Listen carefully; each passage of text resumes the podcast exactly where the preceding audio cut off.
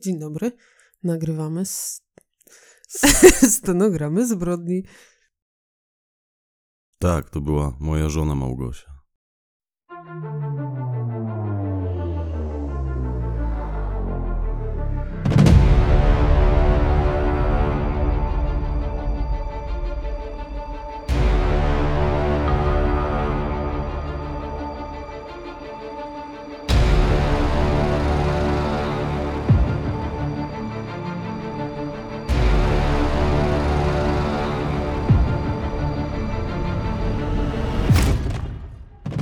Cześć, witam na moim kanale.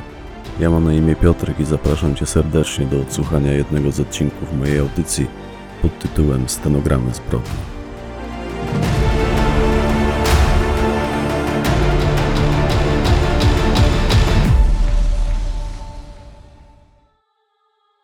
Wańka Wstańka Fragment stenogramu zeznań świadka Jakuba T. Nie mam pojęcia, kto mógł zrobić mojemu synowi coś tak strasznego, a tym bardziej dlaczego. Jak w ogóle można tak postąpić z drugim człowiekiem? Na dodatek z dzieckiem, bo przecież on był jeszcze dzieckiem, co z tego, że miał 19 lat. Oczkiem w głowie był moim i mojej świętej pamięci żony. Długo się o niego staraliśmy, a potem, gdy przyszedł na świat, nie posiadaliśmy się ze szczęścia. Być może trochę za bardzo go rozpieściliśmy. Moja żona na wiele mu pozwalała, czasami chyba na zbyt wiele, a potem, kiedy zmarła i zostaliśmy sami, ja też na wszystko mu pozwalałem, aczkolwiek zasoby posiadaliśmy ograniczone. Ciężko wyżyć z jednej, do tego bardzo skromnej pensji, bo ja z wykształcenia jestem cukiernikiem, pracuję w piekarni, a z pracy rąk kokosów zwykle nie ma. Od śmierci żony, która zarabiała nieco więcej ode mnie, bywało nam ciężko, ale się nie poddawaliśmy. Zostawałem w pracy po godzinach z nadzieją, że jeśli ja nigdy zbyt wiele nie miałem, to niech chociaż mój syn ma. Jak już mówiłem, na wiele mu pozwalałem. Żyłem z poczuciem, że jego matka by tego chciała. Ale proszę sobie nie pomyśleć, że Kamil sprawiał jakieś szczególne problemy wychowawcze. Był nastolatkiem, to i popełniał błędy, które popełniają nastolatkowie. Zdarzyło mu się kiedyś stanąć przed sądem dla nieletnich. Oskarżono go, że ukradł ze sklepu w galerii jakieś perfumy. W Opolu oczywiście, bo u nas w Krapkowicach galerii handlowej nie uświadczysz. Byłem bardzo zaskoczony, kiedy się o tym dowiedziałem, bo on nigdy wcześniej niczego nie ukradł, a co więcej, raczej się nie perfumował. Ale przyznał się przed sądem do kradzieży i sędzia okazał się być wyrozumiały, praktycznie podarował mu winę. Za to mnie uraczył długą pogadanką. Może gdybym wziął sobie jego słowa do serca, to bardziej przyłożyłbym się do roli opiekuna i późniejsza tragedia by się nie wydarzyła. Może znalazłbym wtedy jakiś powód, by zatrzymać go w domu. Wciąż czynię sobie wyrzuty, że tego nie zrobiłem. Próbuję sobie tłumaczyć, że niepotrzebnie, ale sumienie nie chce ze mną współpracować. A jakiś czas później Kamil wyznał mi, że to nie on ukradł te perfumy, tylko jego koleżanka na prezent urodzinowy dla swojej kuzynki. On jej wtedy towarzyszył i wziął winę na siebie. Ja znam tę dziewczynę, dość często Kamila odwiedzała. Kiepska panuje o niej opinia, ale co mi do tego? Poza tym większość tego, co o niej mówią, mnie osobiście ciężko jest uwierzyć. Ludzie lubią zrobić z igły widły. Ale ja się na temat tej dziewczyny wypowiadał nie będę, bo przede wszystkim nie mam do tego prawa. Ona zawsze jakby mnie trochę unikała. Przyszła, wyszła, a z reguły tylko na klatce wystawała za Kamilem. Pisała mu SMS i on do niej wychodził. Nie wiem czemu to robiła, czy wzroku mojego chciała uniknąć, czy co. Z tego co mi wiadomo, całkiem bez rodziców się wychowała. Była chwilę w domu dziecka, potem babcia ją przysposobiła. Mieszkała spory kawałek od nas na osiedlu tysiąclecia. Od dawna jej nie widziałem. Po zaginięciu Kamila spotkałem ją raz czy dwa razy u was w komendzie, bo też wtedy zeznania oboje przychodziliśmy składać. A potem zniknęła. Przynajmniej ja przestałem ją widywać. I nie wiem, co teraz się z nią dzieje. Może wyjechała. Osobiście ciężko mi ją o cokolwiek podejrzewać, czy też w jakikolwiek sposób wiązać ją ze sprawą zaginięcia Kamila. Mam nadzieję, że wam uda się ustalić, czy przyłożyła do tego swoją rękę. Reszta towarzystwa, w którym obracał się mój syn, też nie miała różowej opinii. Ale przecież nie mogłem zabronić synowi spotykać się ze znajomymi. Kilka razy nawet chciałem, ale nie potrafiłem. To był dobry chłopak, uczył się bardzo dobrze. To, że nosił niebieskie włosy, to znaczy grzywkę, bo on tylko grzywkę miał niebieską, to dla niektórych już była zbrodnia. Siedziały te matrony na osiedlu, gapiły się na niego jak przechodził, potem palcem wytykały jak już przeszedł. Nie raz i nie dwa widywałem podobną sytuację z okna. Później opłakiwały go na pogrzebie, kondolencje mi składały. Są niestety na świecie ludzie i ludziska. Tamtego dnia wrócił ze szkoły jakieś dwie godziny po apelu. Pokazał mi świadectwo, oczywiście z czerwonym paskiem, poprosił też o kieszonkowe. Dałem mu 50 zł i przestrzegłem, żeby nie wydał ich na alkohol, choć wiedziałem, że w jego przypadku alkohol raczej nie wchodzi w grę. Kamil stronił od alkoholu, nigdy nie poczułem od niego nawet piwa. Chodził na tańce, to znaczy uczył się tańca towarzyskiego, regularnie też się odżywiał. Pił te swoje witaminy i odżywki białkowe. Została mi ich po nim cała szafka.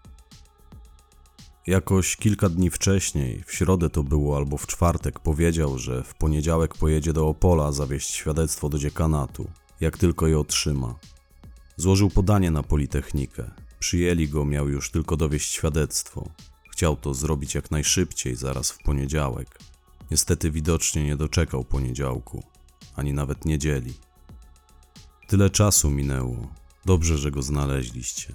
Pochowam go przy matce, a kiedyś sam w ich towarzystwie spocznę.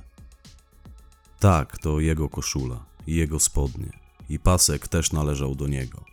Był w to wszystko ubrany, kiedy po raz ostatni wyszedł z domu. Prosił pan o pukiel moich włosów. Proszę, są w tym woreczku. A w tym drugim woreczku są jego włosy. Wyciągnąłem je z jego grzebienia. Może też będą wam potrzebne. Z pewnością ich nie pomylicie, moje są półsiwe, a jego niebieskie. Fragment notatki służbowej sporządzonej przez funkcjonariusza Komendy Miejskiej Policji w Opolu, sierżanta Michała Wojcieszka.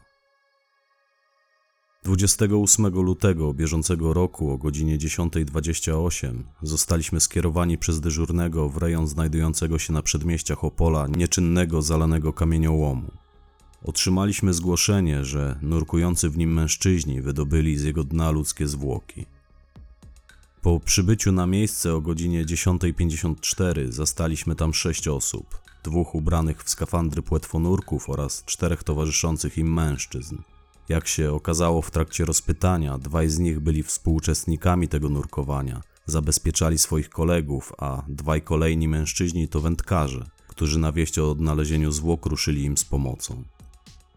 Na tafli lodu przy wywierconym przez płetwonurków przeręblu spoczywały już wtedy kompletnie ubrane ludzkie zwłoki. Obok leżał spory plecak. Po wylegitymowaniu wszystkich sześciu mężczyzn połączyliśmy się z dyżurnym. Wsparcie z Wydziału Kryminalnego Komendy Miejskiej w Opolu nadeszło o godzinie 12.40. Do tego czasu wraz z moją partnerką, starszą sierżant Pauliną Daniłowicz, prowadziliśmy czynności mające na celu zabezpieczenie miejsca zdarzenia. Fragment stenogramu zeznań świadka Dariusza S. Licencję płetwonurka posiadam od 19 lat. Od prawie 9 jestem instruktorem. Mam niewielkie biuro i sklep w centrum Opola. Teorię kursów prowadzę na zapleczu, praktykę oczywiście w terenie. Opole ma o tyle dobrze, że posiadamy kilka nurkowisk w obrębie miasta. To płytkie akweny, ale z czystą wodą, co sprzyja temu rodzajowi rekreacji. Na szczęście cieszy się on coraz większą popularnością, z roku na rok liczba moich kursantów rośnie. Nurkuję praktycznie przez cały rok, w sezonie u nas, poza sezonem głównie w Egipcie. Ale często zdarza mi się też nurkować pod lodem, tak jak wówczas. Kamieniołom, o którym mowa, położony jest dość spory kawałek za miastem, na trasie z Opola do Gliwic, w pobliżu miejscowości Przywory. Został zalany podczas procesu wydobycia granitu i dziś stoi nieczynny. W sezonie sporo ludzi przyjeżdża tam wypocząć nad wodą. Prowadzę tam zwykle kursy nurkowania głębokiego, bo on ma w najgłębszym miejscu aż 47 metrów. Na takich głębokościach, zwłaszcza w naszych warunkach, jest już zupełnie ciemno, nie obejdzie się bez latarek, dodatkowego sprzętu i szczególnych umiejętności. Zabieram w to miejsce wyłącznie doświadczonych płetwonurków, którzy chcą poszerzyć swoje kwalifikacje. Tym razem szkoliłem tylko jednego kursanta Remigiusza, który zamierzał zdobyć uprawnienia podlodowe. Byli z nami też moi przyjaciele Łukasz i Antek, mieli nas asekurować. Zanim zeszliśmy pod wodę, odbyliśmy trzy spotkania, podczas których opowiadałem swojemu kursantowi o fizyce lodu, o przygotowaniu stanowiska, o psychofizycznych aspektach takiego nurkowania, o zagrożeniach. Potem, kiedy znaleźliśmy się już na lodzie i wycięliśmy w nim przerębel, przypomnieliśmy sobie zasady doboru i konfiguracji sprzętu, podpięliśmy linę asykuracyjną, ustaliliśmy plan nurkowania i zeszliśmy pod wodę, a Łukasz z Antkiem zostali na lodzie, że się tak wyrażę. Takie względy bezpieczeństwa. Jak już mówiłem, mieli nas asekurować. Oprócz nas na terenie akwenu były tylko dwie osoby, dwóch wędkarzy, którzy w sporej odległości od nas łowili ryby w przeręblach. Ten kamieniołom słynie z tego, że zamieszkują go ogromne szczupaki. Szczupak, proszę pana, to niczego się pod wodą nie boi. On jest panem naszych wód. Nawet przed ludźmi nieszczególnie się chowa. Można podpłynąć do niego, praktycznie go pogłaskać. Tylko trzeba uważać, bo to drapieżnik i może się odgryźć. No co się śmiejecie, panowie? Poważnie mówię. Zdarzało mi się płynąć za sporym szczupakiem i podszczypywać go za tylną płetwę. Pierwsze nurkowanie było zaplanowane na 20 minut. Po tym czasie mieliśmy się wynurzyć, odczekać trochę zgodnie z tym, co zalecają tabele dokompresyjne i zanurkować ponownie. Ale wynurzyliśmy się już po około pięciu, bo zaraz gdy zeszliśmy pod wodę, zauważyliśmy coś przypominającego ludzkie zwłoki. Obejrzeliśmy je i dałem mojemu kursantowi sygnał do wynurzenia. Potem zanurkowałem jeszcze raz już samotnie i wyjąłem je z wody. Znajdowały się one na głębokości 11 metrów. Kamieniołom w tamtym miejscu osiąga tylko taką głębokość. Tam na tych 11 metrach jest taka półka skalna i zwłoki spoczywały właśnie na niej. Kawałek dalej, ściślej mówiąc jakieś 2 metry dalej, półka się kończy i ściana schodzi pionowo w dół do głębokości 25 metrów. Gdyby te zwłoki tam się znajdowały, to pewnie byśmy go nie znaleźli, bo nie planowaliśmy nurkować na tak dużą głębokość. Zamierzałem zanurzyć się na maksimum 10 metrów, popływać tuż pod lodem, pozwolić kursantowi poobserwować go od spodu. To na pierwszy raz zawsze jest frajda. Zwłoki spoczywały na plecach, w pozycji półleżącej na plecaku. Wyglądało to tak, jakby ten plecak ciągnął tego chłopaka do dna i on na nim zaległ. I najpewniej tak właśnie było, bo plecak był otwarty, a wokół niego walały się spore kamienie. A kiedy zajrzałem do niego, okazało się, że cały jest wypełniony kamieniami. Tylko, że to nie był granit, to były zwykłe kamienie, polne. Obejrzałem je sobie dokładnie, przyświecając sobie latarką. Widziałem w swoim życiu przynajmniej kilka ciał topielców, bo z racji zawodu brałem udział w poszukiwaniach osób zaginionych w pobliżu akwenów wodnych i powiem panu, że to nigdy nie jest przyjemny widok.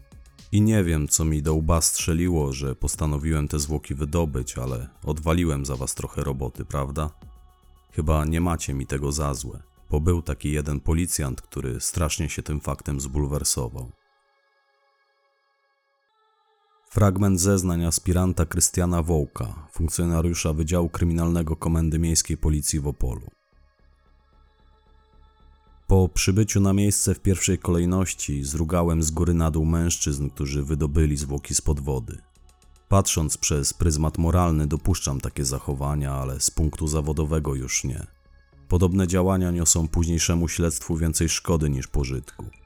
Mam tu na myśli oczywiście możliwość zatarcia śladów. Potem nakazałem wezwanie specjalnej jednostki ratownictwa wodnego działającej przy Komendzie Głównej Straży Pożarnej w Opolu. Przybyłym ratownikom poleciłem przeszukanie dna zbiornika. Spodziewałem się, że to mogło być nie jedyne zalegające w tym akwenie ciało. Na szczęście myliłem się. Cała akcja trwała do późnego wieczora, a kontynuowaliśmy ją również następnego dnia i kolejnego też. Wszystko się przeciągało ze względu na rozmiary tego zbiornika, jego sporą głębokość, trudne warunki i specjalne względy bezpieczeństwa, które należało spełnić. Po akcji, trwającej łącznie 27 godzin, lód na akwenie był podziurawiony przeręblami jak szwajcarski ser. Spod powierzchni wody udało się wtedy wydobyć kilka opon samochodowych, trochę śmieci, stary pordzewiały nóż, który jak się potem okazało nie miał dla późniejszego śledztwa żadnego znaczenia, kilka wciąż zalegających na dnie polnych kamieni mogących stanowić zawartość znalezionego przy ofierze plecaka i telefon komórkowy typu smartfon. Oczywiście nie nadawał się do niczego. Zbyt długo przebywał w wodzie i nie udało się nic z niego odczytać, aczkolwiek szybko udało mi się ustalić, że numer karty SIM należał do zaginionego 8 miesięcy wcześniej 19-letniego Kamila T. Poznałem ten numer jeszcze w trakcie akcji poszukiwawczej, bo ja, stojąc tam wtedy na tym lodzie, otworzyłem sobie ten telefon i odczytałem numer z karty. Była tylko lekko przybrudzona, zaśniedziała. Wystarczyło, że przetarłem ją palcem. Dane jej właściciela otrzymałem później od techników, którzy też brali udział w tej akcji. Uczestniczyłem w poszukiwaniach tego chłopaka po jego zaginięciu, znałem tamtą sprawę. Niestety, ówczesne śledztwo szybko stanęło w martwym punkcie i w sumie to powoli zmierzało już ku umorzeniu. Potem, po wydobyciu zwłok, jeszcze przed badaniami genetycznymi, mającymi na celu ustalenie tożsamości ofiary, ale już po odnalezieniu telefonu i ustaleniu jego właściciela, w pierwszej kolejności musieliśmy powiadomić rodzinę ofiary. Ale ojciec tego chłopaka nie był szczególnie zaskoczony informacją, że wszystko wskazywało na to, iż odnaleźliśmy zwłoki jego syna. Przyglądając się ubraniom, w które odziany był Denat i które mu dostarczyliśmy, stwierdził, że należały właśnie do niego, a on sam zdążył się już przyzwyczaić do myśli, że bezpowrotnie go stracił. Miał łzy w oczach, gdy z nim rozmawiałem, lecz nasze spotkanie przebiegało spokojnie. Skończywszy go rozpytywać, podziękowałem mu i zabrałem się do roboty. A kiedy kilka dni później dotarło do mnie potwierdzenie zgodności próbek DNA obu mężczyzn, to znaczy kiedy potwierdziło się, że wbrew wszelkim wątpliwościom ofiarą był Kamil T., syn Jakuba, zakasałem rękawy i wszcząłem oficjalne śledztwo w sprawie jego morderstwa. Bo pewne szczegóły wskazywały na to, że chłopak został zamordowany. Fragment protokołu sekcji sądowo-medycznej zwłok Kamila T. Zwłoki w zaawansowanym stadium gnicia o wyraźnych zmianach morfologicznych należą do młodego mężczyzny w przedziale wiekowym 15-20 lat. Przypuszczalny czas zgonu podlegać będzie późniejszym ustaleniom ze względu na to, że ciało Denata długo przebywało w wodzie. Czas ten w przybliżeniu można określić na podstawie zmian morfologicznych i wynosi on minimum 180 dni. Długość ciała 175 cm, skóra i włosy oddzielone, kończyny zniekształcone pod wpływem wody i zmiennych temperatur, pozbawione paznokci wskutek samoistnego oddzielenia się. Na ciele liczne zmiany i przebarwienia gnilne, mięśnie szkieletowe rozwinięte prawidłowo barwy ciemnowiśniowej. Opona twarda czaszki oddzielona od kości, mózgowie rozmiękczone, waga 1400 gramów. Naczynia podstawy mózgu zapadnięte, czaszka symetryczna, prawidłowej budowy w stanie nienaruszonym, bez uszkodzeń. Z gardła denata wyjęto kawałek materiału przesiąknięty mazistą substancją przypominającą smar samochodowy. Zostanie ona przekazana do dalszych badań. Drogi oddechowe ukształtowane prawidłowo, wolne od innych ciał obcych. Żołądek i dwunastnica puste, wypełnione płynem. Płuca również z przesiąkiem gnilnym, także wypełnione płynem. Brak krwi w jamach serca. Mechanizm i przyczyny zgonu typowe dla śmierci w przypadku utonięcia. Kończyny Denata, zarówno ręce jak i nogi, pozostawały skrępowane drutem. Jego charakterystyka wskazuje, iż jest to drut kolczasty. Został on odseparowany od tkanek w celu przekazania do dalszych badań. Z ciała Denata pobrano materiał genetyczny mający posłużyć identyfikacji jego tożsamości. Ubranie również może podlegać identyfikacji i zostanie przekazane organom ścigania po zakończeniu badań. Wyniki toksykologiczne negatywne. Fragment zeznań aspiranta Krystiana Wołka, funkcjonariusza Wydziału Kryminalnego Komendy Miejskiej Policji w Opolu. Kiedy tylko przybyłem na miejsce i przyjrzałem się spoczywającym na tafli lodu zwłokom tego chłopaka, natychmiast zrozumiałem, że sam sobie tego nie zrobił, że mam do czynienia z morderstwem. O ile dałby radę samodzielnie skrępować sobie nogi z zamiarem popełnienia samobójstwa, to rąk już nie. A na pewno nie w ten sposób. Końcówki drutu były skręcone ze sobą na wysokości jego nadgarstków, a do tego trzeba siły i oczywiście sprawnych rąk. Ktoś obwiązał go tym drutem. Prawdopodobnie ten sam ktoś wypełnił kamieniami plecak, który miał na sobie. Ktoś wetknął mu do ust kawałek szmaty. Mogła to być więcej niż jedna osoba. To ciężki temat, nawet dla mnie, zwłaszcza przy dłuższych rozmyślaniach.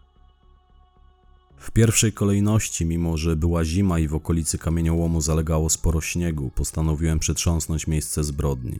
Przypuszczalnie była to znajdująca się 4 metry nad powierzchnią wody rozległa półka skalna, z której chłopak skoczył, czy też został z niej zepchnięty, bo ze skrępowanymi kończynami i plecakiem pełnym kamieni raczej w tamto miejsce nie przypłynął. Brałem pod uwagę, że mógł zostać wypchnięty w tym miejscu z łódki, ale ów akwen otaczają pionowe, wysokie skały i trudnym byłoby zwodowanie na nim jakiejkolwiek łodzi. Obszedłem brzeg tego akwenu z tamtej strony, sprawdzając teren wykrywaczem metalu. I to był strzał w dziesiątkę. Znalazłem fragmenty drutu kolczastego i pordzewiałe, jak również sam drut, charakterystyczne kombinerki z ogumowaną czerwono-czarną rękojeścią. Późniejsze badania mechanoskopijne wykazały, że drut mógł zostać przecięty i być obrabiany właśnie z ich pomocą. Ślady, a ściślej mówiąc odgniecenia zębów, w które wyposażone były owe kombinerki, pasowały do śladów na drucie, którym skrępowano ofiarę. Tym samym znalazłem prawdopodobne narzędzie, którym posługiwał się sprawca bądź też sprawcy. Niestety nie zachowały się na tych kombinerkach żadne odciski palców. W trakcie rekonesansu wokół akwenu, w odległości około 70 metrów od niego, natrafiłem na resztki jego dawnego ogrodzenia, to znaczy na wbite w ziemię spróchniałe już drewniane słupy, między którymi rozciągnięty był drut kolczasty. Jego charakterystyka i średnica przekroju pasowały do drutu, którym skrępowano ofiarę. Sprawca czy też sprawcy zaopatrzyli się więc w ten drut na miejscu. Powziąłem tezę, że znali ten akwen, wiedzieli gdzie i czego szukać że to byli miejscowi. Kamienie, którymi wypełniony był plecak, to otoczaki, walało się ich mnóstwo na okolicznych polach. W pobliżu miejsca, w którym znalazłem kombinerki, znajdował się ich cały stos. Wystawał ponad warstwę śniegu. Zapewne ułożył je tam właściciel pobliskiego pola, chcąc się ich pozbyć z terenu upraw. Niestety, krótko potem śledztwo zwolniło tempo, bo nic więcej nie udało mi się ustalić. Oprócz tego, że ojciec ofiary zeznał, iż kombinerki z pewnością nie należały ani do niego, ani do jego syna. Widział je po raz pierwszy w życiu. I nie pozostało mi nic innego, jak wrócić do śledztwa sprzed 8 miesięcy dotyczącego zaginięcia jego syna. Tym samym zacząłem przeglądać akta z tamtego okresu. Zamierzając przypomnieć sobie szczegóły tamtej sprawy, musiałem zagłębić się w zeznaniach świadków. Zacząłem od zeznań koleżanki zamordowanego Julii L. Fragment stenogramu zeznań świadka Julii L. Nie mam pojęcia, co mogło stać się z Kamilem. Od kilku dni nie odbiera ode mnie telefonu, to znaczy jego telefon jest wyłączony. Nie wchodzi na Face'a, nie odpowiada mi na Messengerze. Boję się, że coś mu się stało, bo on nigdy się tak nie zachowywał. Ostatni raz widzieliśmy się właśnie w piątek. Cały czas zachowywał się normalnie. Po rozdaniu świadectw całą paczką poszliśmy na pizzę. Potem rozeszliśmy się do domów, ale umówiliśmy się na wieczór na domówkę u Anety. Ona mieszka na drugim końcu miasta. Jej starych nie było w chacie, oni mają mnóstwo hajsu i pojechali na wycieczkę za granicę. Jeżdżą za granicę trzy razy w roku. Ja nie wiem dokąd wtedy pojechali. Musicie zapytać Anetę. Z Kamilem spotkałam się jak zwykle pod jego blokiem. To mogło być koło 17. Pojechaliśmy do Anety autobusem. Zanim jeszcze dotarliśmy na miejsce, wstąpiliśmy do sklepu, ale już na miejscu, tam, na jej osiedlu. Kupiliśmy papierosy i butelkę wina, żeby nie było, że wbiliśmy na imprezę na sępa. Kamil płacił, ojciec dał mu jakieś pieniądze. Ja nie miałam przy sobie żadnej gotówki, nie chciałam brać od babci, ona sama niewiele ma. Jakieś 15 minut później, z przerwą pod blokiem na papierosa, znaleźliśmy się w mieszkaniu Anety. Bawiliśmy się mniej więcej do drugiej w nocy. I wszystko było w porządku. Wypiliśmy trochę alkoholu, ale bez Kamila, bo on w ogóle nie pił. Od czasu do czasu zapalił papierosa, ale nie pił. Nie lubił alkoholu, za to lubił spędzać z nami czas, to znaczy z naszą paczką, bo my przez całe liceum trzymaliśmy się w większej grupie. Było potem trochę łez, głównie dziewczyny płakały, bo wiedzieliśmy, że teraz, kiedy skończyliśmy liceum, nasze drogi się rozejdą. Kamil tańczył na tej imprezie ze mną i z innymi dziewczynami. Wszystkie ciągle go obtańcowywałyśmy, bo on świetnie się ruszał. Do domu zabrałam się z Iloną, która mieszka blisko mnie. Przyjechała po nią mama. Pojechał też z nami Michał. On przez całą imprezę źle się czuł, słabo się przez to bawił, więc zabrałyśmy go ze sobą. Odwiozłyśmy go w pierwszej kolejności. W ogóle przez całą imprezę był jakiś nieswój. Najpierw mocno się spóźnił, a potem siedział w kącie. Kiedy my wychodziliśmy, Kamil jeszcze został na tej imprezie. Stwierdził, że jeszcze chwilę się pobawi, a potem wróci taksówką. Zostało mu 15 zł, a mniej więcej tyle kosztowałby kurs od Anety do niego. Poza tym dziewczyny nie chciały go puścić, ciągle któraś chciała z nim tańczyć. Ale one były już wtedy mocno spite i Kamilowi nie bardzo się to podobało. Ale jak już mówiłam, przez całą imprezę zachowywał się normalnie. Umówił się ze mną i z Magdą, że w poniedziałek pojedziemy wspólnie zawieźć jego świadectwo do Opola. Potem pożegnałam się z nim i poszłam. Nie, nie jesteśmy parą, po prostu bardzo dobrze się znamy. Jeszcze tej samej nocy, z piątku na sobotę, ja akurat wchodziłam do domu, Kamil napisał do mnie na Messengerze. Też już wracam, jak panisko, taksóweczką, lol. Odpisałam mu XD i że idę spać. Może pan zobaczyć, jeśli pan chce, pokażę panu. Proszę, tu jest mój telefon. I później Kamil już się do mnie nie odezwał, a ja natychmiast, jak tylko przyłożyłam głowę do poduszki, zasnęłam. Napisałam do niego wiadomość w sobotę koło południa, jak się tylko obudziłam, ale nic mi już nie odpisał. Potem napisałam mu kolejną wiadomość i kolejną. Pytałam, jak się bawił, o której ostatecznie wrócił. Może pan zobaczyć, niech pan przeskroluje niżej. Widzi pan? Tam niżej są kolejne wiadomości, które mu potem wysyłałam. I do dzisiaj nic mi nie odpisał. Nie wiem, gdzie on jest. Naprawdę nie wiem. Aneta powiedziała, że wyszedł z imprezy jakieś pół godziny po mnie, że czekała już na niego taksówka. Myślałam, że po prostu wrócił do domu. Zawsze wracał. I już w sobotę od Michała dowiedziałam się, że ojciec Kamila go szuka, że nie wrócił z imprezy, a od tego momentu wszyscy go szukamy. Znajdźcie go. Boję się, że wydarzyło się coś złego. Fragment zeznań aspiranta Krystiana Wołka, funkcjonariusza Wydziału Kryminalnego Komendy Miejskiej Policji w Opolu. W związku z tym, że w momencie odnalezienia zwłoki i potwierdzenia tożsamości Kamila T., postępowanie w sprawie jego zaginięcia, w przeciwieństwie do niego, umarło śmiercią naturalną, a wszczęte zostało śledztwo w sprawie jego zabójstwa, postanowiłem ponownie przesłuchać świadków figurujących w tamtej sprawie, a w pierwszej kolejności Julię L. W tym celu udałem się do domu jej babci, którego adres figurował w aktach, ale ona nie miała dla mnie dobrych wiadomości. Otóż trzy tygodnie wcześniej Julia pożegnała się z życiem w efekcie zażycia sporej dawki dopalaczy. Zginęła śmiercią tragiczną, ponieważ jak wynikało ze słów współuczestników imprezy, w trakcie której je zażyła, w pewnym momencie zaczęła dziwnie się zachowywać. Mówiła coś o tym, w sumie to krzyczała, że opętał ją demon i musi go z siebie wygnać. Fragmentem rozbitego lustra próbowała podciąć sobie żyły, ale czyn ten udaremnili jej znajomi. Potem podjęli się opieki nad nią, ostatecznie udało im się uspokoić i położyć do łóżka. I w pewnym momencie odnieśli wrażenie, że zasnęła, przynajmniej tak potem twierdzili.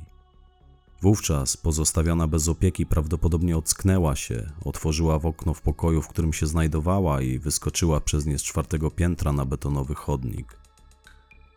Późniejsza sekcja zwłok wykazała u niej liczne urazy narządów wewnętrznych. W sprawie jej zgonu toczyło się postępowanie, w efekcie czego został on zakwalifikowany jako nieszczęśliwy wypadek po zażyciu środków odurzających. Tym samym straciłem możliwość ponownego jej przesłuchania. Byłem zły i było mi przykro z powodu śmierci tej dziewczyny, ale cóż, zdarza się. Nie pozostało mi wtedy nic innego, jak kolejny raz przesłuchać pozostałych świadków i ponownie spróbować odtworzyć ostatnie minuty życia Kamila. Tuż po jego zaginięciu, oczywiście, skontaktowaliśmy się z korporacją taksówkarską, której kierowca odwoził go do domu. W ten sposób potwierdziliśmy, że Kamil odbył kurs spod bloku, w którym trwała impreza, na osiedle, na którym mieszkał. Zdobyłem nawet mapę pochodzącą z systemu GPS z dokładnymi danymi tego kursu, to jest przebiegiem trasy i dokładną godziną jego rozpoczęcia i zakończenia. Rozmawialiśmy wtedy też z taksówkarzem, który go wiózł. Zeznał, że kurs przebiegał normalnie, pasażer był spokojny, uiścił opłatę za kurs gotówką, wysiadł w okolicy bloku, w którym mieszkał i następnie udał się w jego kierunku.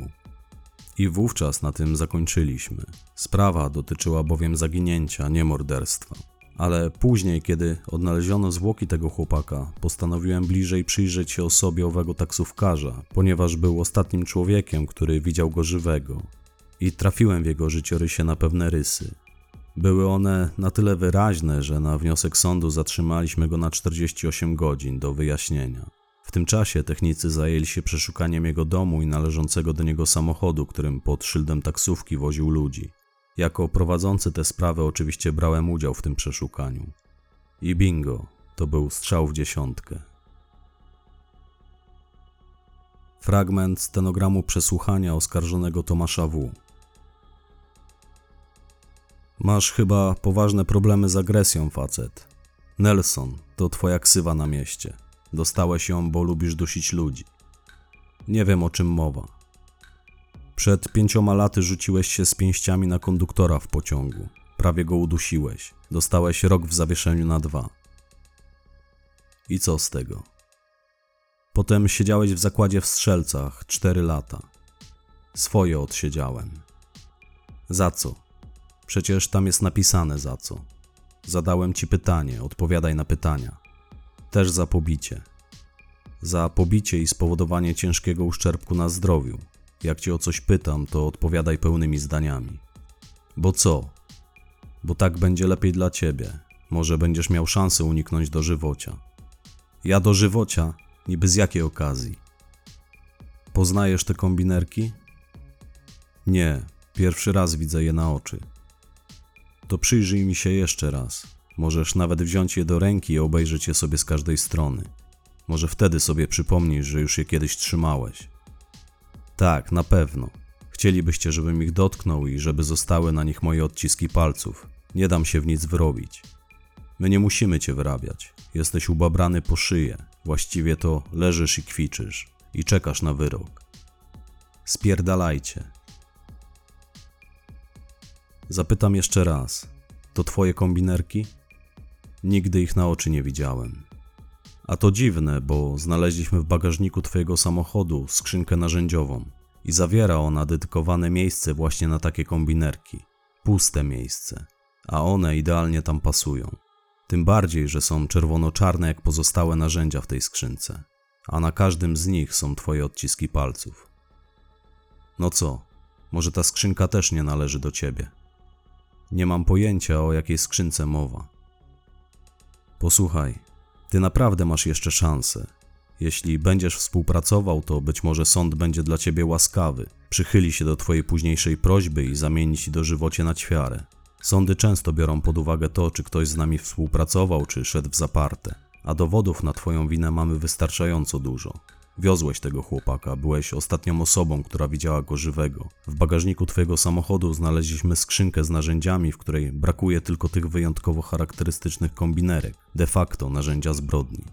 Na dodatek jesteśmy w posiadaniu kluczowych w tym przypadku zeznań twojej żony, która przed kilkoma godzinami podpisała się pod protokołem, w którym oznajmiła, cytuję: Nasz syn miał kiedyś taki plecak.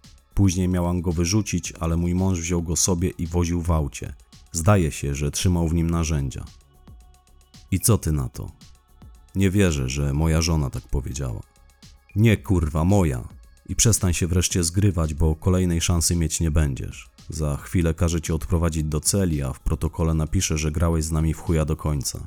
Wiesz jak sąd na to spojrzy. Jakbyś dziś napluł ofierze w twarz. To było zabójstwo z premedytacją. Do tego wykazałeś się niezwykłym bestialstwem. I głupotą oczywiście też. Czeka cię gościu do żywocie jak nic. Nic nie powiem. Jak sobie chcesz. Ale zanim każę odprowadzić cię do celi, posłuchaj jeszcze pewnego nagrania. Będzie o motywach, dla których to zrobiłeś, bo te również nie są nam obce. Wynikają one wprost z zeznań przyjaciela ofiary. Może zaczniesz gadać, gdy posłuchasz, co on miał nam do powiedzenia. Uwierz, facet, że mamy na ciebie tyle, że w żaden sposób się nie wywiniesz. Spójrz na pana adwokata, zobacz jaką ma minę. On już wie, że w żaden sposób cię nie wybroni. Dobra, to ja go zabiłem. Będę mówił i nie chcę niczego słuchać. Powiem jak było, ale mi tego nie puszczajcie. W takim razie mów. No mów. No do kurwy nędzy gościu zaczniesz gadać, czy od razu idziesz przebierać się w pasiaki? Tamtej nocy byłem wściekły jak nigdy. Pojechałem na stację zatankować i kupiłem sobie też cztery piwa. Wypiłem je wszystkie w 10 minut, taki byłem wkurwiony. Krew we mnie aż kipiała. W sumie to nie wiem, po czym aż takiej korby dostałem. A kiedy on zajął miejsce w mojej taksówce, pomyślałem sobie, no i już jest po tobie, gnoju. To będzie twój ostatni kurs, zabiorę cię w twoją ostatnią podróż. Naprawdę nie wiem, czemu to zrobiłem, co mnie wtedy naszło, że dopuściłem się aż czegoś takiego. I zawiozłem go tam, gdzie chciał, żeby kurs prawidłowo odnotował się w systemie. Całą drogę myślałem o tym, co z nim zrobię i gdzie, i ni chuja nic nie wymyśliłem. To wyszło jakoś samo z siebie. Kiedy zapłacił i wysiadł, ja też wysiadłem. Odszedł już wtedy kilka kroków, ale go przywołałem. Spytałem, czy nie będzie miał zapalniczki, bo ja gdzieś swoją zapodziałem. Podszedł, wyjął zapalniczkę, był trochę wyższy ode mnie, więc pochylił się, by odpalić mi papierosa. Wtedy chwyciłem go za głowę, on natychmiast też zaczął się wyrywać. Obróciłem go i założyłem mu Nelsona, to znaczy docisnąłem jego szyję przed ramieniem do swojej klatki piersiowej. Dusiłem go tak długo, aż stracił przytomność. Ile to trwało? Jakąś minutę, może minutę dwadzieścia. Próbował się bronić, ale nie dał mi rady. Byłem sporo silniejszy od niego, bo on, mimo że był wysoki, posturę miał raczej herlawą. Potem położyłem go na tylnym siedzeniu, rozejrzałem się dookoła, czy na pewno nikt tego nie widział, ale nikogo tam nie było i wywiozłem go za miasto. Cały czas oglądałem się za siebie, sprawdzałem, czy się nie budzi, ale przez całą drogę był nieprzytomny. Miałem wtedy nadzieję, to znaczy dotarło do mnie, co zrobiłem i pomyślałem, że już jest po nim, że go udusiłem i wystarczy, że ukryję gdzieś jego zwłoki. Ale kiedy tylko wyjechałem za Krapkowice, zorientowałem się, że jadę w złym kierunku. Chciałem pojechać na południe, w stronę lasów, ale wyjechałem w kierunku na Opole. I wtedy on zaczął odzyskiwać przytomność. Usłyszałem, jak kaszle i łapie oddech. Zatrzymałem się na poboczu, otworzyłem tylne drzwi, przysiadłem przy nim i znowu go przydusiłem. Jak długo go dusiłeś? Jakieś pół minuty. Tyle wystarczyło. Po tym czasie znów przestał się ruszać. Przestał wierzgać. I wtedy już zacząłem popadać w panikę. Dotarło do mnie, w jakiej sytuacji się znalazłem. Musiałem się go pozbyć, ukryć go gdzieś. Nie mogłem pozwolić, żeby ktoś go znalazł, żeby potem doszedł do siebie i poszedł na policję. Mam kredyt na samochód, muszę pracować, żeby go spłacać, a po poprzednim wyroku nigdzie nie chcieli mnie przyjąć. Jedyną pracą, jakiej mogłem się podjąć, była ta na taryfie. Wszystko załatwiłem za pomocą aplikacji, nikt mnie tam nie pytał o zaświadczenie o niekaralności, jak w każdym innym miejscu. Przypomniałem sobie, że w pobliżu jest kamieniołom, gdzie sam kiedyś jeździłem się kąpać. I uznałem, że wrzucę go do wody, że go tam utopię, tylko najpierw będę musiał go czymś obciążyć, żeby nie wypłynął. Wjechałem w polną drogę prowadzącą do kamieniołomu. Podjechałem pod sam brzeg, po jakimś polu czy pastwisku. Na szczęście było sucho i udało mi się potem stamtąd wyjechać. Zatrzymałem się, wysiadłem z auta, otworzyłem bagażnik i wyjąłem z niego plecak, który się tam znajdował. Woziłem w nim różne rzeczy. Poszedłem w to pole i nazbierałem do niego kamieni. Był cholernie ciężki, ledwie dotachałem go z powrotem. Na szczęście księżyc jasno świecił i kamienie dobrze było widać, a zbierając je natrafiłem na walający mi się pod nogami drut. Wróciłem do auta, wyjąłem z narzędziówki kombinerki i odciąłem spory jego kawałek. Zamierzałem użyć go do przytroczenia plecaka. Z początku chciałem przywiązać mu plecak do nóg, ale kiedy zacząłem wyginać ten drut, to mocno poharatałem sobie ręce. Wtedy uznałem, że najlepiej będzie, jak założę mu ten plecak na plecy. Potem musiałem na chwilę przysiąść, zebrać myśli. I kiedy tak stałem oparty o auto, usłyszałem, że on znowu odzyskuje przytomność.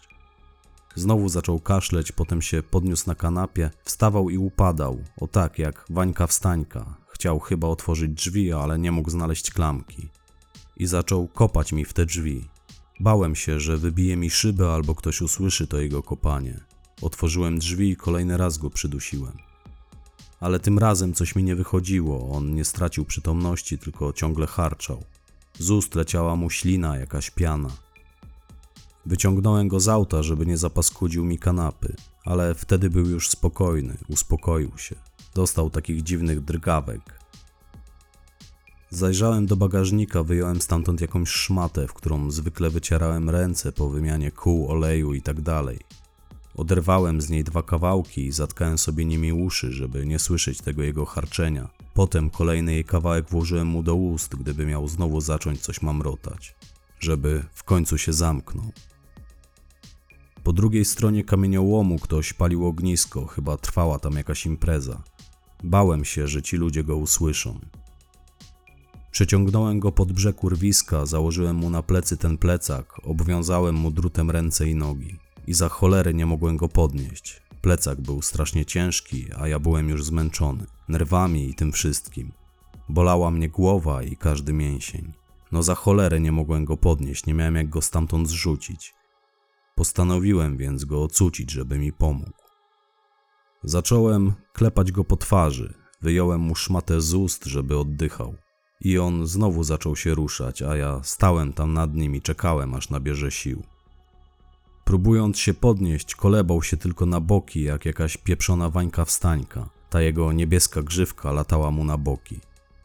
Plecak był za ciężki, nie pozwalał mu oderwać się od ziemi. Potem leżał na tym plecaku. Trwało to ze dwie, trzy minuty. A kiedy poczuł się trochę lepiej i otworzył oczy, pomogłem mu wstać, to znaczy postawiłem go na nogi. Starając się trzymać go w pionie, ciągnąłem go po ziemi. On szurał butami po ziemi, jeden mu spadł, więc mu go założyłem z powrotem. Próbowałem go postawić do pionu, żeby stał, ale zaraz upadł. Plecak był zbyt ciężki, a on zbyt słaby. Więc ciągnąłem go po ziemi, to znaczy po skale. I gdy znaleźliśmy się na skraju urwiska, włożyłem mu z powrotem szmatę do ust i zepchnąłem go do wody. Usiadłem za nim na skalę i zepchnąłem go nogami, bo już nie miałem siły ani go podnosić, ani przesuwać rękoma. Mięśnie bolały mnie jak nigdy. Potem przynajmniej kilka razy wracałem w tamto miejsce, bo zorientowałem się, że zostawiłem tam kombinerki, ale nie mogłem ich znaleźć, więc uznałem, że pewnie też wleciały do wody i widocznie dopiero wy je znaleźliście. Nie mam pojęcia jakim cudem, bo ja tam wszystko obszukałem. Całe to pole obszedłem chyba ze 20 razy. Bałem się, że ktoś go znajdzie, kiedy kilka dni później zobaczyłem jego zdjęcia wywieszone w krapkowickim rynku. Regularnie je zrywałem, żeby ludzie o nim zapomnieli. Ja też prawie już o tym zapomniałem. Fragment stenogramu zeznań świadka Michała B.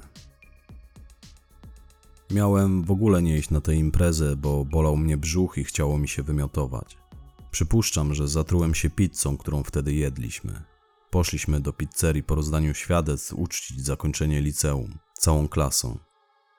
Wziąłem sobie hawajską i podejrzewam, że ser mógł być spleśniały. Jeszcze w pizzerii rozbolał mnie brzuch i przestałem ją jeść. Jadłem ją na spółkę z Arturem, ale Artur czego by nie zjadł, to się cieszył. Miał w klasie opinię łakomczucha. I nic mu nie było, w przeciwieństwie do mnie. Nie chciałem iść na tę imprezę. To znaczy chciałem, ale źle się czułem i już nawet powiedziałem rodzicom, że chyba jednak nie pójdę. Mama dała mi jakieś krople, ale nie pomogły. No i znajomi cały czas wydzwaniali za mną, więc zdecydowałem, że jednak pójdę. Głupio było nie pójść. Wziąłem jeszcze raz te krople z nadzieją, że mi przejdzie. Zamówiłem sobie za pomocą aplikacji taksówkę i pojechałem. Jechaliśmy dość szybko. Ten taksówkarz coś tam do mnie mówił. To znaczy pytał się, skąd pomysł na niebieską grzywkę. Odparłem, że wiele osób taką nosi i później już nie rozmawialiśmy. Do momentu, kiedy nagle ścisnęło mnie w żołądku i zwymiotowałem w tej jego taksówce. Ale tylko trochę, zresztą wyłącznie na dywanik, bo zdążyłem schować głowę między nogi. I wówczas on wpadł w szał. Wjechał na chodnik jak wariat, zahamował z piskiem opon, wyskoczył z taksówki, otworzył mi drzwi i kazał wysiadać. Wyciągnął mnie siłą ze środka, potem kilka razy uderzył mnie w twarz. Kazał mi zapłacić za kurs i za czyszczenie auta. Żądał 500 zł, twierdząc, że przeze mnie stracił możliwość zarobku, że już tego wieczoru nie będzie mógł odbyć żadnego kursu. Darł się tak, że ludzie zaglądali przez okna, co się dzieje. 500 złotych to bardzo dużo, więc odmówiłem. Powiedziałem, że mogę mu dać 100, bo tylko tyle miałem przy sobie. Wtedy on powiedział, że dzwoni na policję. Powiedziałem, że proszę bardzo, niech dzwoni, bo ja takich pieniędzy nie mam. To był wariat, proszę pana. Zachowywał się jak wariat, jak furiat, jakbym co najmniej zrobił mu jakąś krzywdę. I potem uderzył mnie chyba jeszcze ze dwa razy, ale jakiś mężczyzna krzyknął do niego coś z okna pobliskiego budynku i trochę stonował. Czekaliśmy na policję dobre pół godziny. W tym czasie stałem tam i musiałem słuchać jego wyzwisk. W pewnym momencie czułem się tak źle, że się rozpłakałem. On śmiał się ze mnie, popychał mnie, wyzywał. W końcu przyjechała policja. Jakaś młoda policjantka wysłuchała mnie, potem zapisała moje dane i pozwoliła mi odejść. Wtedy on znowu wpadł w szał. Zaczął krzyczeć, że mnie znajdzie i zabije, a ja poszedłem na tę imprezę. W sumie to chciałem wrócić do domu, ale nie miałem nawet na autobus, bo on zabrał mi te 100 złotych. I bliżej miałem stamtąd do mieszkania Anety niż do swojego, więc poszedłem. Czułem się jak gówno. Poza tym chciałem jak najszybciej zniknąć temu facetowi z oczu, bo jeszcze 100 metrów dalej słyszałem jak się za mną wydziera. A teraz już chyba wszystko rozumiem. Po tym, co przeczytałem w gazetach i co pan mi powiedział. Zaczęło do mnie docierać, kiedy pan zapytał mnie o moją grzywkę. Tak, Kamil też miał taką. Dziewczyny nam je kiedyś zafarbowały. My w ogóle byliśmy do siebie bardzo podobni. Nie wiem, czy chcę to usłyszeć, ale czy to prawda, że to ja miałem być na miejscu Kamila? Jeśli nie chcesz tego usłyszeć, to mogę ci nie mówić, ale i tak to usłyszysz. Będziesz musiał jeszcze raz powiedzieć to samo przed sądem. Szkoda, że wcześniej nikomu o tym nie powiedziałeś, że dowiedziałem się o tym dopiero grzebiąc w twojej kartotece. Zwyczajnie się wstydziłem, proszę pana.